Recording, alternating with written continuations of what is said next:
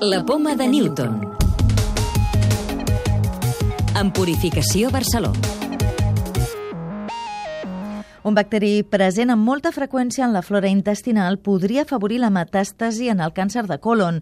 Aquesta és la conclusió d'un estudi de l'Institut d'Oncologia Vall d'Hebron, el BIO, publicat a Science i que centrarà el nostre programa d'avui. També ens acostarem al Sol, la nostra estrella. Us parlarem d'una recerca per combatre l'ELA i sabrem què ens aporten les ones gravitacionals. Investigadors del bio han trobat una relació entre el fusobacteri, un bacteri present a la microbiota intestinal quan aquesta ha patit alguna disfunció, i l'evolució del càncer de colon. Concretament, en ratolins, l'ús d'antibiòtics específics contra aquest bacteri ha aconseguit reduir els tumors de colon fins a un 30%. L'estudi també apunta a la possibilitat que el bacteri afavoreixi la metàstasi, ja que viatja amb les cèl·lules canceroses fins a altres òrgans del cos. Paulo Nuciforo és l'investigador principal del grup de Oncología Molecular del Bio. Si miramos dónde está el bacterio en la metástasis, lo vemos asociado a la célula tumoral. Y esto hace pensar que muy probablemente activa mecanismos moleculares que favorecen el proceso de metastatizaciones modelos eh, de ratones con tumores derivados de pacientes que tenían el fusobacterium. Lo que hemos visto es que tratando estos pacientes con antibióticos específicos para el fusobacterium, tú consigues reducir de casi un 30% la crecida del tumor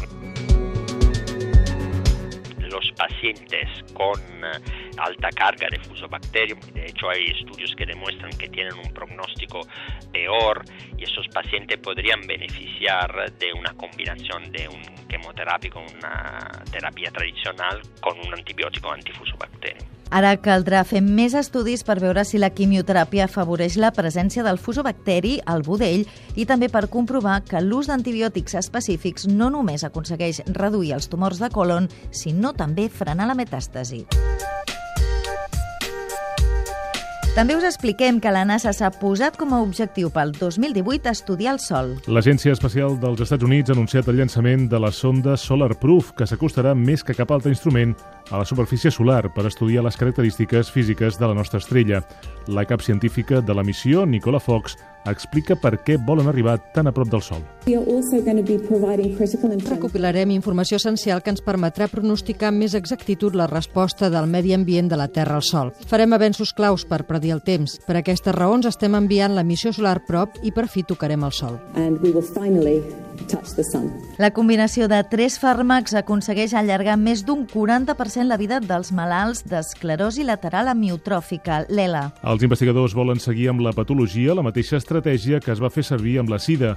Josep Gámez és coordinador de la unitat d'ELA de Vall d'Hebron. La idea és copiar l'estratègia que es va fer en els primers anys del SIDA, que no teníem un tractament, i es donaven tres coses perquè sabia que cada cosa feia alguna cosa. Si l'efecte sumatori, doncs estaríem parlant d'un 40% aproximadament o més. Biòlegs de la Universitat Harvard han utilitzat el mètode CRISPR d'edició del genoma per emmagatzemar pel·lícules en l'ADN de bacteris. L'equip de científics van fer servir fragments d'ADN com si fossin píxels i després van seqüenciar l'ADN d'aquests microbis per recuperar les imatges amb un 90% de resolució. La clau de volta. Quina informació ens aporten les ones gravitacionals? Roberto Amparán, investigador de l'Institut de Ciències del Cosmos de la Universitat de Barcelona. Una pel·lícula tu la puedes ver y oír.